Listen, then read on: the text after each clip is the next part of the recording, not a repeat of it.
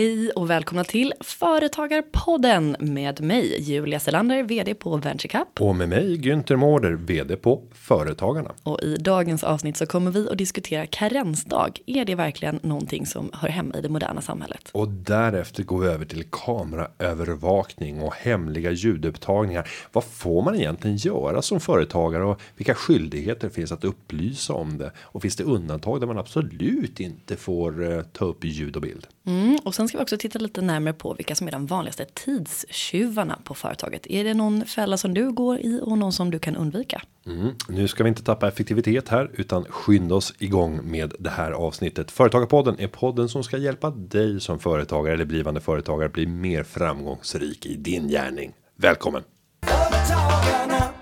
Nu har vi också fått höra att regeringen vill avskaffa karensdagen och införa ett karensavdrag. Och det här gör man för att det ska bli rättvisare förutsättningar mellan olika yrkesgrupper vid, vid olika typer av sjukfall. Vad har vi på karensdag? Vi har en karensdag i Sverige, vilket då innebär att man får ingen ersättning som anställd den första dagen man är sjuk. Och detta är för att man egentligen inte ska fuska eller? Eh, Ja, eh, och grunden tror jag kommer ur det industrisamhälle som vi levde i. Där man ville göra så att det tog emot att sjukanmäla sig om man inte var sjuk. För det hade man ju kunnat tänka sig att man hade varit ute och slirat kvällen innan. Och sen så sjukanmälde, sig, sjukanmälde man sig samma morgon och fick ersättning för den dagen, sjukersättning. Och då införde man karensdagen. Jag kan inte historiken exakt när det infördes då, men jag föreställer mig att det var det samhället som den här karensdagen var skapad för.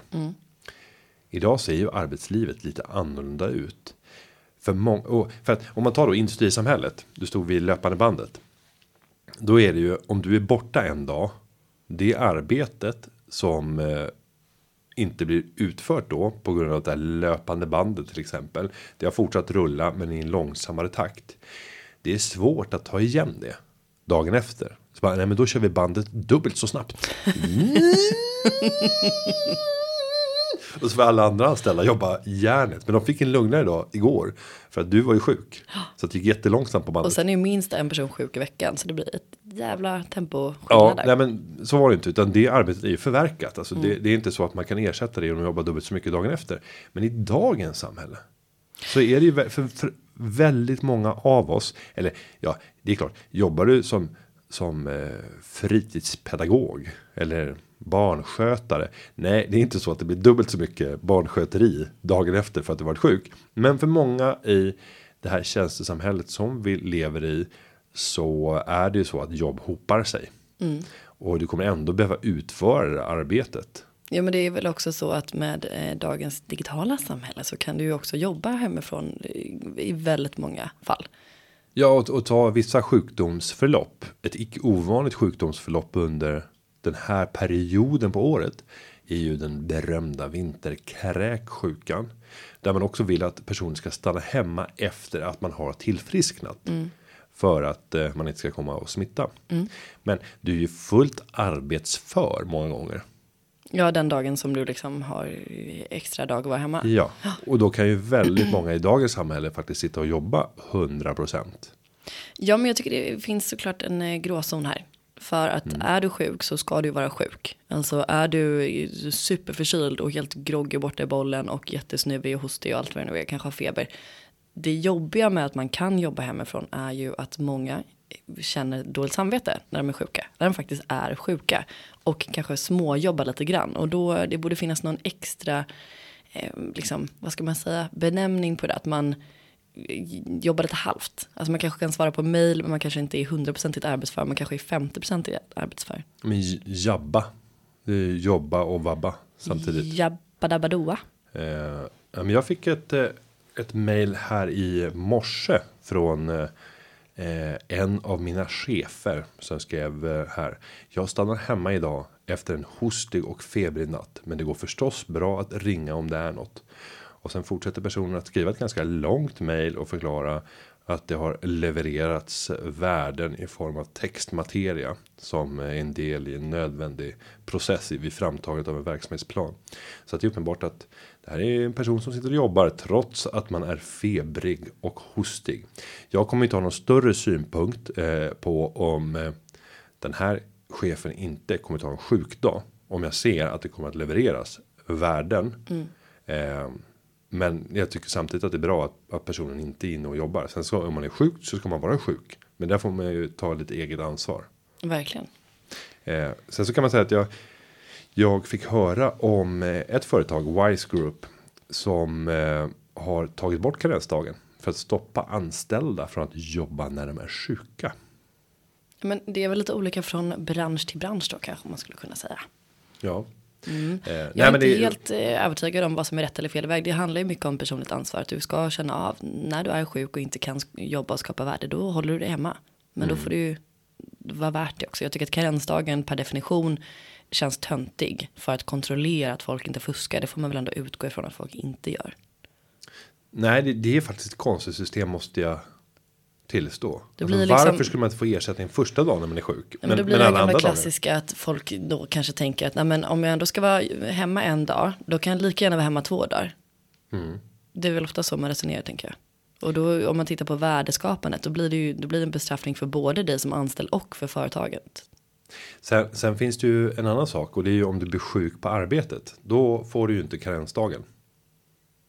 Så det där vet jag från tidigare branscherfarenheter. När jag jobbade i byggbranschen. Då förekom det att folk släpade sig in till jobbet. För att visa have, so, have some Facetime. Och sen plötsligt på jobbet bara jag känner mig verkligen dålig. Jag måste gå hem. Talar de på det viset också? En typ. Ja. För de är jättesjuka. då börjar de läspa. Ja, de pratar så här för de, de börjar bli så himla förkyld. Jätteobehagligt. Eh, nej, och det där, där vet jag faktiskt att eh, man, man kunde se att det här är ett utnyttjande av systemet. Ja.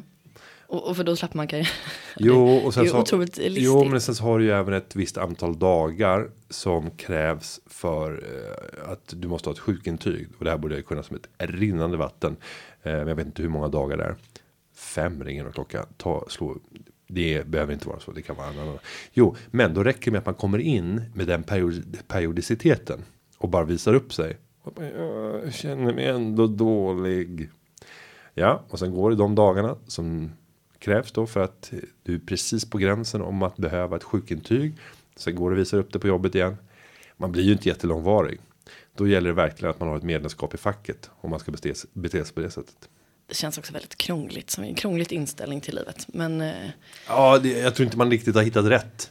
Det är min uppfattning. Nej. Då ska man nog söka sig någon annanstans. det, jag tror också det. Men eh, sen vill jag, har, har du använt Kry, den här appen? Eller någon liknande app? Nej, jag har inte gjort det. Nej. Jag blir väldigt, väldigt sällan sjuk. Eh, men jag känner mig rostig i förra veckan eller när det var. Och då tänkte jag, perfekt, jag var på jobbet, jag gick inte hem, skulle jag aldrig göra. Men jag ringde till Kry för att jag ville snabbt ha något som gjorde mig bättre. Då tänkte jag, bra, jag kan betala en peng för det. Eh, utmaningen var bara att eh, jag var också tvungen att, att göra någon slags följdprov i halsen. Om jag skulle säga bakterieprov om jag skulle få penicillin eller inte. Eh, och då var jag tvungen att trava iväg till Sabbatsbergs eh, sjukhus för att göra det. Det var bara det att när jag kom dit då hade liksom inte den här överföringen av kallelsen eller remissen gått iväg. Så då fanns det ingenting där. Fick gå tillbaka, göra det en gång till. Då blev jag vansinnig för jag hade lagt totalt tre timmar på att ringa till en app som ska göra att det ska funka med en gång. Men då ställde jag också till ett jävla liv så då behövde jag inte betala någonting. Fick inget penicillin. Men kände att nej, jag har inte tid att vara sjuk. Så att det lönade sig ändå. Sen kan man ju säga att det man bygger upp med eh, sin husläkare. Det, jag tycker det låter så himla härligt. Bara, det här är min husläkare. Ja, men har du en, en läkare på din eh, kvartersmottagning. Som du har en god kontakt med som har hela din sjukdomshistorik. Då skulle man till exempel se att jo men det brukar dyka upp halsfluss hos mig vart tredje vart fjärde år. Eh, och då vet jag att jag ska ha KV-penin brukar jag använda då. Och det har jag haft alla tidigare gånger. Och ju, ju snabbare jag kan ta det när man känner det, desto snabbare kommer man bli frisk. Absolut, men jag vill leva hela mitt liv via appar och då tänker jag att jag kan väl ha en husläkarapp som Jo. känner min data. Jo, men det, men det jag vill komma till det är att den här typen av av eh, eh, nya appar som kommer för att bedöma sjukdomstillstånd. Eh, det är ju för att överbrygga det problemet som finns där man inte har den här personliga kontakten med den här läkaren. Eh, för det är klart att nej, de behöver inte ens göra, genomföra en kontroll om de vet att nej, okej, om du känner till de här behoven, jag litar på dig, jag vet att det här funkar. Eh, ja, jag skriver ut det. Jag längtar till man kan göra blodprov och eh, halsprov allt möjligt via telefonen. Ja, jag, jag vet inte om jag har dragit den affärsidén för dig tidigare, men jag har ju drömt om att starta igång eller få vara en del i en startup där man kan göra eh, omfattande hälsokontroller eh, själva. Alltså produkten är egentligen framtagen för hypokondriker där du Det är en lukrativ marknad. Ja, och kan du tänka dig då att du använder mängder av elektroniska saker för att mäta allt ifrån puls till EKG. Du ska kunna ta blodprov, salivprov. Men allting ska kunna gå att lösa elektroniskt och sen lagras datan i eh, ett stort sheet som analyseras. Och där man tittar på alla möjliga sjukdomar som det här skulle kunna vara. Så bara, din kroppstemperatur har nu varierat med en grad varannan dag. Det kan vara den här ovanliga sjukdomen som bara drabbar en på miljarden. Åh, det kan vara nya folksjukdomen. Betala 100 kronor så kan du få reda på vilken sjukdom det är. Ja, ja. eh, ja, men det finns så många som är så extremt hypokondriska. Ja, men det skulle väl vara fa- fantastiskt. Jag har ju ett chip i min hand, det vet jag om. Det vet jag. Mm, som staten har finansierat. Visst är det så. Eh, och jag är också avlyssnad av Putin, troligtvis. Eh, nej men skämt åsido, jag hade ju gärna önskat att, jag, att den kunde läsa av allt jag gör. För att jag har ju också, alltså preventivmedel, jag kör ju natural cycles. Så då mäter jag ju liksom tempen varje morgon och så får jag in i en app. Jag hade gärna velat att chippet i min hand bara kunde sända iväg det kanske tre gånger per dygn. Så att det är precis liksom avmätt.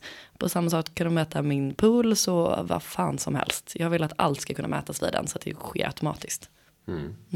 Jag tycker Ja. att du tänker lite för trångsynt att man ska kunna använda mobilen. Jag vill ha det i. Jo, jo nej, men jag, jag gillar. Alltså, ju mer du kan integrera. Skulle man kunna spruta in något, något nervgift i kroppen. Som aldrig lämnar. Men som bara sänder ut information. Som hämtar in överallt i kroppen. Som mäter förekomsten av metastaser. Och, Jag känner att nervgift låter eh, Ja, negativt. Du får kanske jobba lite på brandingen av det här. ja, Gunters nervgift. Vet du vad? Jag tycker att vi dundrar igång med en fråga. det gör vi. Ja, och vi har fått en fråga från Lina i Nyköping. Och eh, om ni vill ställa en fråga, kära lyssnare, så vet ni hur ni gör vid det här laget. Men ni använder alltså hashtaggen Företagarpodden eller så går ni in på företagarpodden.se och skriver fråga. Men frågan från Lina lyder så här. Hej Företagarpodden. Kan jag sätta upp bevakningskameror i mitt företags lokaler? Är det nödvändigt tycker ni? Jag har hört att polisen inte längre bryr sig om vanliga småbrott. Och vad ska jag tänka på? Ja, alltså det är ju svårt att svara på frågan, är det nödvändigt tycker ni? Eh, för att Jag, ty- jag, min klara uppfattning är att ja, det är nödvändigt. Oavsett vad hon gör. Nej, nu luras du. Ja, det gör jag. Men Nej, jag är tänker, så- hon så- skriver, kan jag sätta upp bevakningskameror i mitt företags lokaler? Vi vet ju inte vad det är för typ av företag, vi vet ju inte vad det är för typ av lokaler. Därför är det väldigt svårt att säga om det är nödvändigt. Man behöver också kanske hålla koll på, är det så att det är någonting väldigt, väldigt värdefullt som de eh, har hand om? Är det en väldigt, eh, liksom en, en ort där det är väldigt mycket brott som föregås? Det är otroligt mycket Men vi information struntar, vi struntar i den frågan och så börjar vi bara. Får hon sätta upp kameror? Bra fråga. Det beror på. Jo, men i de flesta fall så kan du säga att ja, du får absolut sätta upp kameror. Du får bombardera hela dina verksamhetslokaler med kameror. Men Men du måste också tydligt markera detta i sådana fall. ja, du har en upplysningsskyldighet för alla som kommer att vistas i lokalen. Så frågan är ju egentligen om Linda vill filma sin personal. Ja, Eller om hon vill filma kunder, kunder eller besökare eller leverantörer. Ja, vad det nu kan vara för någonting. Men Eller om det- hon kanske vill se om det spökar på natten. så eh, kan det nog verkligen Men då måste man vara. upplysa spökena om att det förekommer uppdragning av Och då måste man också film. ha infraröd eh, ska ah, man kameror. ha vitlökar på dörrposten. och då är det posten. Nej men man får eh, sätta upp kameror men man måste tydligt markera detta. Och visst är det så att om man har ljudupptagning så måste man också tydligt markera det. Ja. Och vad är då tydligt? Nej men du vet ju så här vid entrén till lokalen så står det denna lokal kamera övervakas. Men sen finns det några sådana här undantag. Du får inte filma så att filmupptagningen gör att du ser andra ytor som är eh, tillgängliga för offentligheten. Det kan vara så att om du har en butik så riktar du en filmkamera eh, så att den går ut mot gatan vid entrén. Om du gör det, då får du också en filmupptagning på vad som händer ute på gatan och det är en offentlig plats och då krävs det tillstånd för att ha det. Och det där är det nog en hel del butiker. Jag tänker särskilt på ett fall eh, där det blev uppenbart och det var i samband med terroristdådet på Drottninggatan. Där kom det ju ut väldigt snabbt övervakningsfilmer från butiker där man såg ut på gatan och jag är inte alls övertygad om att de butikerna hade tillstånd för att filma på Drottninggatan. För jag tror att det är ganska svårt att få eftersom offentligheten själv sköter den bevakningen. Ja, men jag tror just i det här fallet inte att det var så många som klagade på att det just Nej. fanns filmupptagningar från det här specifika tillfället. Men jag, jag vill hävda att det med stor sannolikhet var brottslig verksamhet som begicks från de här butiksägarna. Sen så finns det lite undantag och eh, om du till exempel ut är ett företag som utför tjänster åt en offentlig beställare. Så att det är offentligheten som är kunden och det är allmänheten som ska ha tillträde till den, det företag, det du erbjuder. Eh, då krävs det särskilda tillstånd. Det är länsstyrelsen som utfärdar de här tillstånden. Jag tänker att om du eh, ska sätta upp kameror i ditt företags lokaler och du liksom ja, gör det då för första gången. Då kanske det är trevligt att informera personalen om detta och varför. Eh, och då kanske. bli dålig stämning. Ja, men lite så. Och då tycker jag att oavsett om det är så att du vill, eh, filma att personalen begår småbrott och det är det du misstänker. Då kanske du kan eh, framea det på ett snyggt sätt. Så att, nej, men det här är för er säkerhet. Vi har märkt att det ja, vad det nu är. Att det surfas på Aftonbladet. Så det här är för er säkerhet. Precis. Under arbetstid. Ja. Nej, men, eh, men informera, det kan väl vara snyggt. Men då har jag en fråga till dig. Åh. Eh, får jag utan att informera hålla i en kamera och filma under till exempel möten som jag har med mina kunder eller med min personal. Om jag till exempel sitter på ett utvecklingssamtal med dig eller lönesamtal och sen så skulle jag sitta och gömma den här kameran så du, du ser den inte men jag håller den i handen. Så jag gömmer den så här och så håller jag den lite så här pennkamera. Du kör det här klassiska, ursäkta, den här klassiska där du liksom har någon typ av väska som du placerar på ett jättemärkligt sätt. Nej, nej, Så- nej, nej, nej, nej. Det, är en viktig detalj här. Det, okay. det, det är en pennkamera. Det är en pennkamera. Jag håller i den här. Mm. Kameran är på toppen. Ni hör en sån här klickpenna. Mm. Linsen är på toppen av den. Och jag sitter och riktar den linsen mot dig. Jag filmar allting. Jag tar ljudupptagning under. Och jag har inte informerat dig om att vi gör det här. Jag, är det tillåtet. Under det här utvecklingssamtalet som du och jag har kring I, företag och i, framtid. Ja. ja, får jag göra det här? Eh ehm, jag tycker att det känns obehagligt och vill säga nej. Men eftersom att du frågar så antar jag att det är ett ja, att man får det. Svaret är ja. Eh, så länge en av parterna är medvetna om. jo, jo, lagen är skriven så. Så länge en av parterna. Så du Så är, om du jag- är om- verkligen medveten om Ja, det? om jag inte hade varit medveten, jag hade råkat sätta på. Då, då hade Då är det varit- olagligt. Ja, det varit olagligt. Ja. Men om en av parterna vet om. I samma sak gäller vid ljudupptagning. Till exempel. Om eh, du spelar in ett telefonsamtal. Ja. Då hör man ju så här. Detta samtal kan komma att spelas in. Egentligen en helt onödig upplysning. Den behövs inte. Nej. För att eh, Men eh, jag tänker dock att det är oftast vad gäller kundtjänst. Och Mm. jag tror att det finns en anledning till att till exempel vi säger då ett ja, stort bolag säger det innan man börjar dundra igång. För då kanske personen som ringer in Lugnar ner beter sig. sig lite Mm, grann det och kan- inte skriker och har sig. nej. I, I rent utbildningssyfte. Det finns inget utbildningssyfte. Nej, det är till firmafesten. Man ska göra listan. 10 worst. och Agneta, du hade ju topp sju av Ja. de här. Vad tror du att det beror på? Nu ska vi höra. Det var Berit Adnor som ringde in här och hade.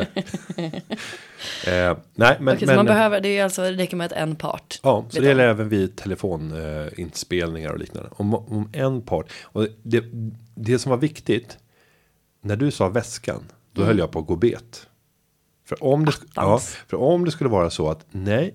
Kameran, jag har inte kontroll. Jag håller den inte i handen. Utan det är en väska. Där kameran står. Sen sticker det upp just, där står pennan. Så lägger jag pennan på väskan. Då är det inte lagligt. Du måste alltså hålla i den. Och det där var ju med, med drönarproblematiken. När, när man då införde förbud mot det och sen så luckrades det upp. Men där var ju utmaningen att man höll inte i drönaren. Men om du istället skulle haft motsvarande teknik men det var på en jätte, jättelång pinne, ett stativ. Som var så här 40 meter högt. Ja, Svajigt. ja jättesvajigt. Men, det- men det är säkert någon sån här DJI Go som kan utveckla en stabilisator för den där jättelånga pinnen. Då är det helt lagligt. För då har du kontakt med kameran. Det är du som håller i den. Ja, och varför säger du detta? Är det för att du sitter och filmar mig? Ja, nej, det behöver jag alltså inte. jag jag behöver alltså inte säga att jag gör Ja, det. nej, kanske. Och Inga eh, kommentarer? Julia, ska jag berätta. Jag kan avslöja. Allt det du just nu säger spelas in. Wow.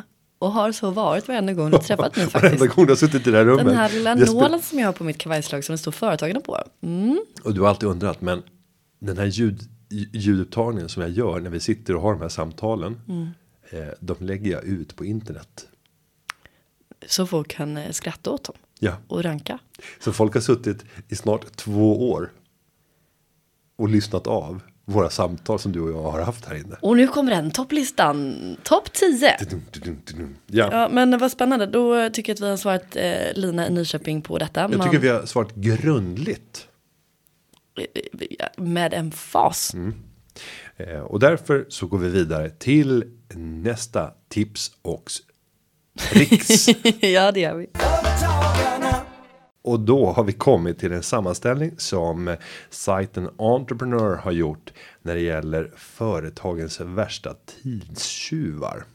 Men jag tycker att det går ihop lite med eh, det som vi pratade om i början av podden. Det här med eh, att vara sjuk och karensdag. Det här är en annan typ av tidstjuv. Jaha, sjukdom är en tidstjuv. Ja, absolut. Mm, Kanske är den en största. Vad finns det för andra då?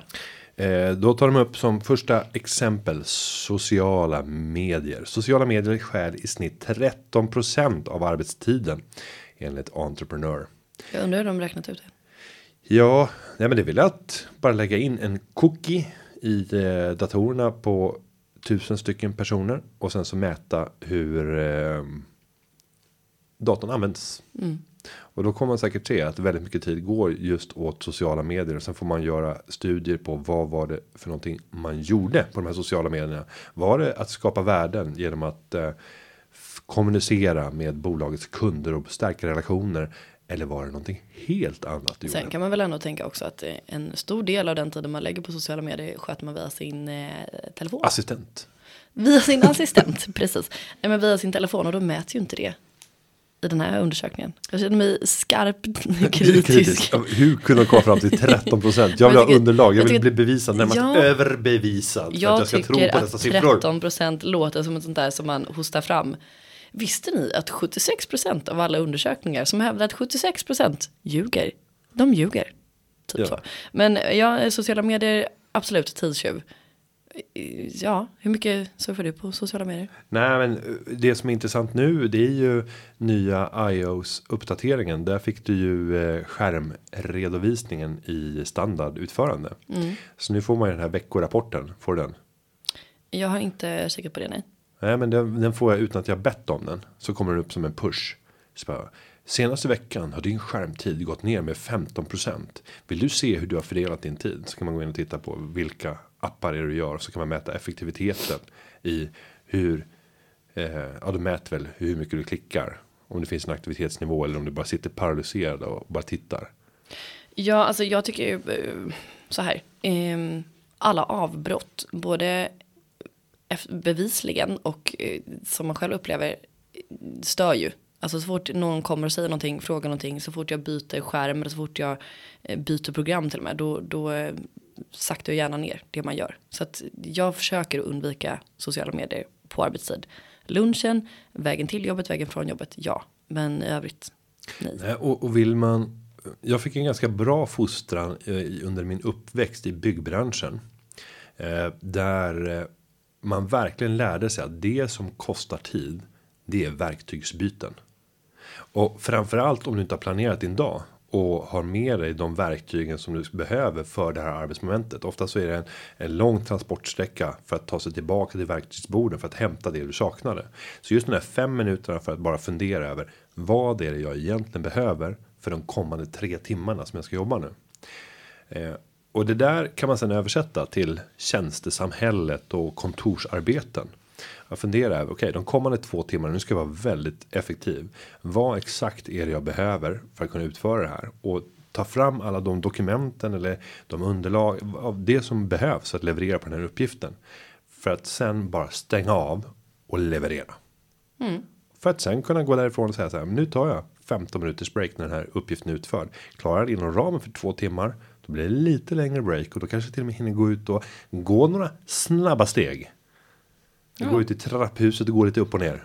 Hur många gånger har du gått upp i trapphuset och gått några gånger upp och ner? Eh, nej, men det har inte hänt så många gånger så där spontant, men jag väljer ju alltid trapporna om jag kan gå i trapporna. Vardagsmotionen. Ja, det är så himla fräscht. Så himla fräscht. Men då tänker jag också att det kommer in lite på nästa ämne och det är ju multitasking. För att vi är ju enligt undersökningar ganska dåliga på att göra flera saker samtidigt. Och tror vi att vi är bra på det, då har vi fel. Ja, då är vi oftast väldigt dåliga. Då gör vi många saker samtidigt. Det kan vi vara bra på. Men de sakerna vi gör, de gör vi dåligt. Eller sämre än om vi bara hade fokuserat på en. Eh, Så att, fokus. Och där tänker jag också som arbetsgivare eller som arbetstagare. Men eh, framförallt som arbetsgivare. Tänk igenom vad ska din personal leverera för någonting. Sitter ni exempelvis flera stycken i samma rum som väldigt många gör. Kanske värt att utvärdera om det är eh, värt att ha alltså ljud, vad heter det, noise cancelling eh, hörlurar och erbjuda dem till personalen. Eh, inte bara för att man stänger ute ljud och brus när man ska fokusera, men också för att när en person har på sig sådana här hörlurar, då vet jag att jag kan inte bara slänga ur mig så här, Günther, kan inte du kolla på en grej? Och så stör jag dig det du gjorde. Och så gör tio personer det på en timme och så blir det ingenting gjort. Det är väldigt bra. Bra tips. Att ha olika kodsystem för grad av tillgänglighet. Ja, eller som ni har här på företagen att eh, ni har en avdelning som är alltså, tyst. Där man inte får tala i telefon, där man inte får störa varandra, där man inte får prata. Och de andra delarna som man får göra det. Ja, men det är väldigt tydligt. Nej, och, då, och jag sätter mig ju i och då är det ganska ovanligt. Det händer ungefär en gång i månaden att jag sätter mig i den tysta delen och då vet folk att nu är det inte läge att störa. Nu är han stressad. Nu Den är han mannen. stressad. Nu jobbar han för en gångs skull. Ja men visst, nu sitter han inte bara och tjötar. Nej men eh, jag tycker att det är viktigt och, och anpassa din arbetsplats och dina förutsättningar efter dina förutsättningar helt enkelt. Det är ju inte så tokigt det där med att ha egna kontor. Det där med att folk inte vågar gå in till chefen och knacka. Det är inte så dumt. Nej. Men nu får man skapa sig egna rum genom att skärma av med hörlurar istället. Ja. Eh, Nästa tidstjuv, eh, om man skulle tillämpa den här, då skulle jag bli av med jobbet. Skippa möten. De flesta möten är slöseri med tid. Gå bara på möten som verkligen kräver din närvaro. I övriga fall är det bättre att be om protokoll och uppdatering per mail. Fan vad skönt det skulle vara bara. Nej men ha det där mötet sen.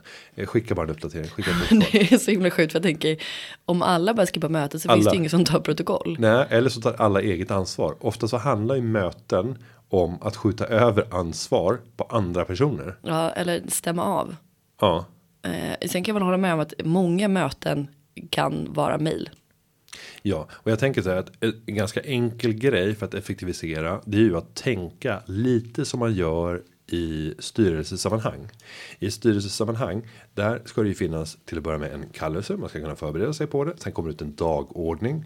Till dagordning så är det uppdelat om det är en rapportpunkt som bara rymmer information. Om det är ett ärende som även kommer rymma diskussion. Och om det är ett ärende som kommer rymma beslut. Om det ska rymma beslut så ska det finnas ett förslag på beslut som är färdig eh, liksom diskuterat mellan ordförande och vd. Och så att man vet vilken inriktning är det vi kommer få om vi inte enas om någonting annat. För det finns ett förslag till beslut. Ja.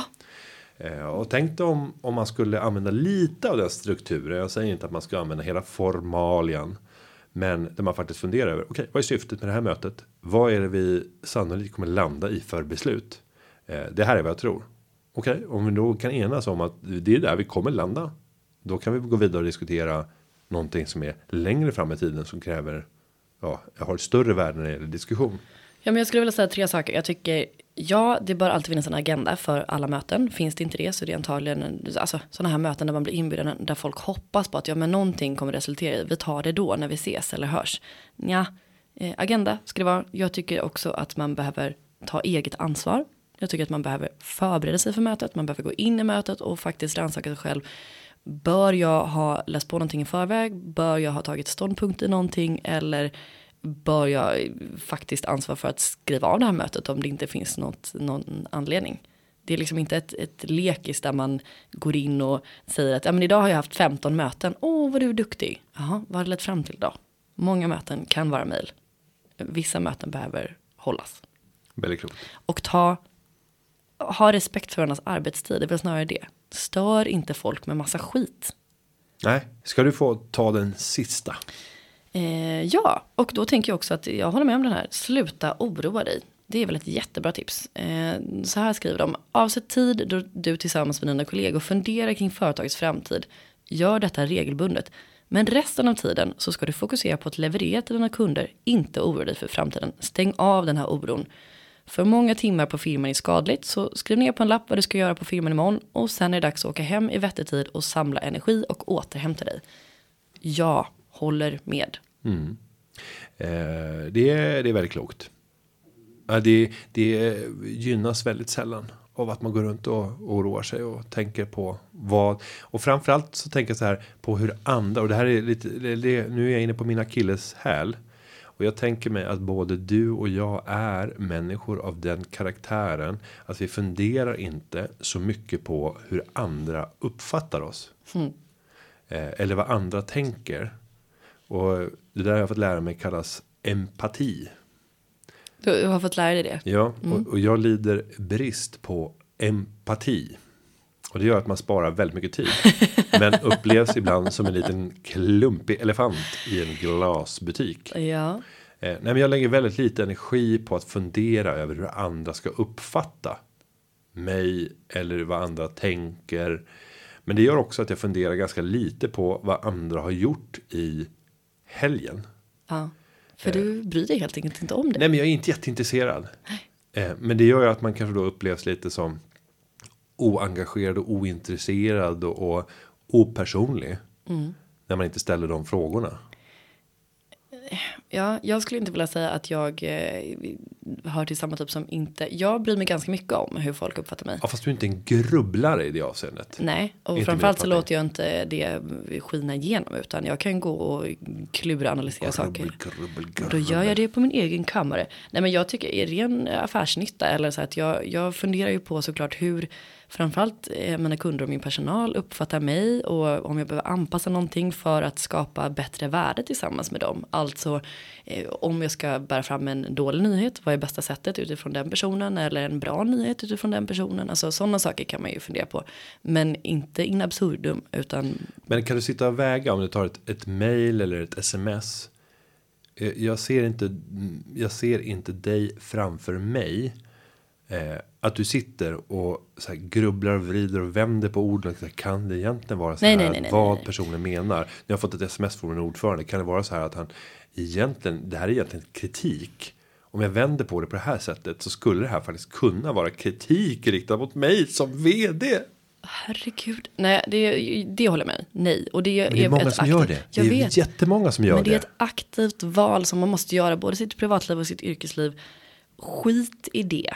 Alltså man får utgå från att folk menar vad de säger och menar vad de gör och gör de inte det så är det deras problem. Man kan Ja. inte heller hålla på med massa typer av relationer där folk så här hintar om något eller jag ska behöva läsa mellan rader eller jag borde ha fattat att för att du inte skrev en smile i det här smset som du brukar göra då var du egentligen arg på mig och nu vill inte du höra av jag skiter i, jag har ingen energi för det. Skriv vad du vill, säg vad du menar, gör det du ska. Nu ska jag bli lite generaliserande, men jag placerar mig själv i gruppen. Eh, och då pratar jag om dum blondin. Alltså ibland är det ganska skönt att vara en dum blondin. Och alltid tolka allting positivt. Så att du får en, en liksom rejäl så här, men akademisk utskällning via mail som är så, så subtil att det är liksom svårt att förstå digniteten i den dynga som just nu kastas på dig. Men att här, ändå hitta de positiva elementen i den här skrivelsen. Och, och sträcka på sig, ja men vad roligt, det var ändå roligt att de tyckte det här, att det här var bra. Eh, De skrev ju vänligen på slutet. Nej, men, men, gud vad trevligt. jag utgår från att folk vill Livet blir skönare då. Utgår från att folk vill dig väl. Mm. Men det kan du egentligen bara kosta på dig om du själv menar väl och gör det du ska. Och inte sitter och analyserar och slösar folks tid. Om du skapar värde för andra så kan du utgå från att du kan ställa samma krav på de andra. Eh, men ja ja, men utgå från att folk vill dig väl och utgå från att så här, ja, men folk som är irriterade på dig, ja, vad, vad gör det då? Mm. Och så får jag skicka ut en varning. Nu är det kanske inte så många av lyssnarna här som kommer hamna i konflikt med mig. Förhoppningsvis. Eh, men i de lägena så har jag en svaghet. Och det är att jag oftast lägger an den positiva sidan. Så att det kan vara så att någon är skitsur och bär fram kritik. Men sen så blir jag så här överdrivet service minded och väldigt positiv. Jajamensan. Ja men det där ska jag titta på. Ja men vad snällt att du ger sån feedback till mig. Så bara, du är jävla idiot, du ska veta. Det där uppskattar jag väldigt mycket att du säger. Men det är så. Tack så mycket.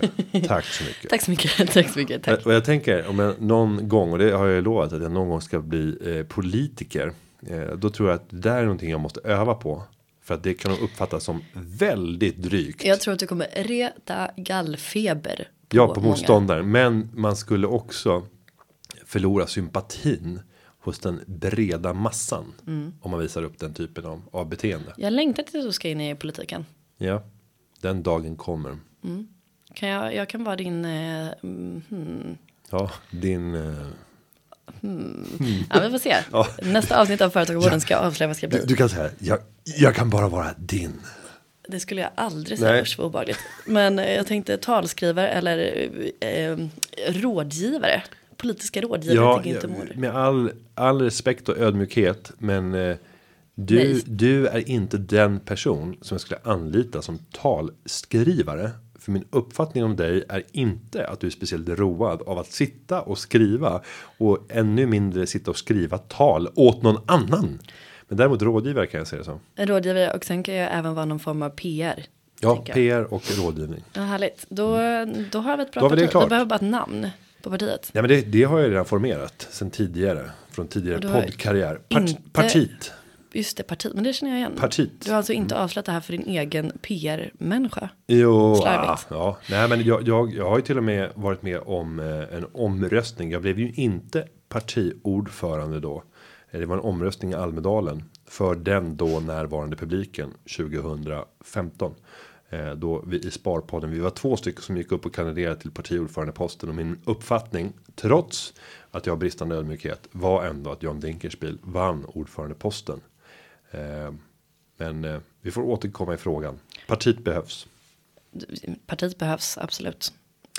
Ja, Det eh, var alltså sista tipset som var sluta oroa dig som liksom Där har du tidstjuvarna. ut. Ja, utsvävningarnas eh, eh, afton. Jag vet inte om du lyssnar på det på aftonen eller när det är, eh, men är över. får jag komma med tips? Du får alltid komma med tips. Tack. Eh, jag älskar ju olika typer av tester. Eh, jag älskar att eh, försöka lära mig om mig själv och andra. Och min senaste grej är ayurveda. Vet du vad det är? Har ingen aning. Nej, det är alltså en, okej det finns ju säkert massor med lyssnare som kommer vrida sig och vet mycket, mycket mer om det här. Jag är nybörjare så bear with me. Men det här är alltså eh, någon form av indisk vetenskap. Fan jag känner att det är svagt här redan nu. Typ Kamasutra. Ja, fast ändå inte. Men det handlar om att man, eh, man eh, kategoriserar människor i tre olika kroppstyper. Och baserat på det så Tjock, vet man. Smal. Ful. Och har man otur så är man alla tre på samma gång. Nej, man har tre olika kroppstyper. Tjocksmal. det, det är typ jag. Det är kul mage men ändå jättesmala handleder. Alltså titta. De hade kunnat till, tillhöra en smal människa. Det är Tjock, kul smal. mage. Tjock, smal och ful.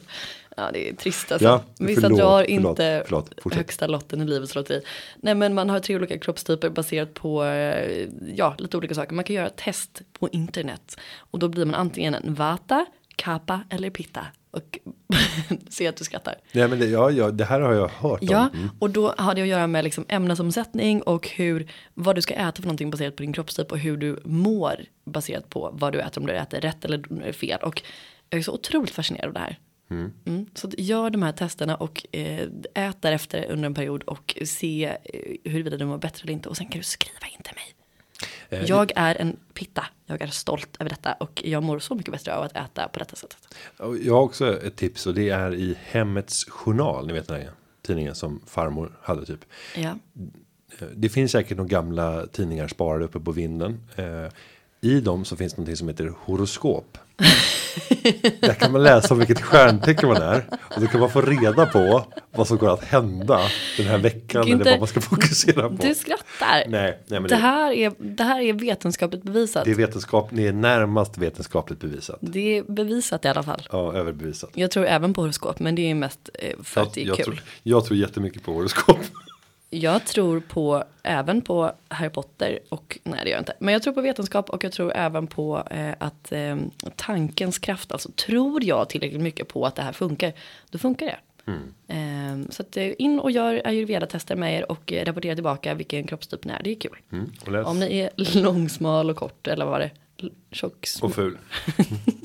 Och, och gör även eh, läser även ett horoskop. Nej. Ja, med det. Typiskt dig att håna mig, Günther. Jag är seriös. knyter vi ihop den berömda säcken. Mm, det gör vi. Och säger att det här avsnittet har förberetts av David Hagen. Och klippningen, den är gjord av Linda Aunan Edvall. Tack igen för den här veckan. Vi hörs igen. Hej. Hej. Företagarna. Ja, ja, ja, ja, ja, ja. Företagarna. yeah, yeah, yeah, yeah.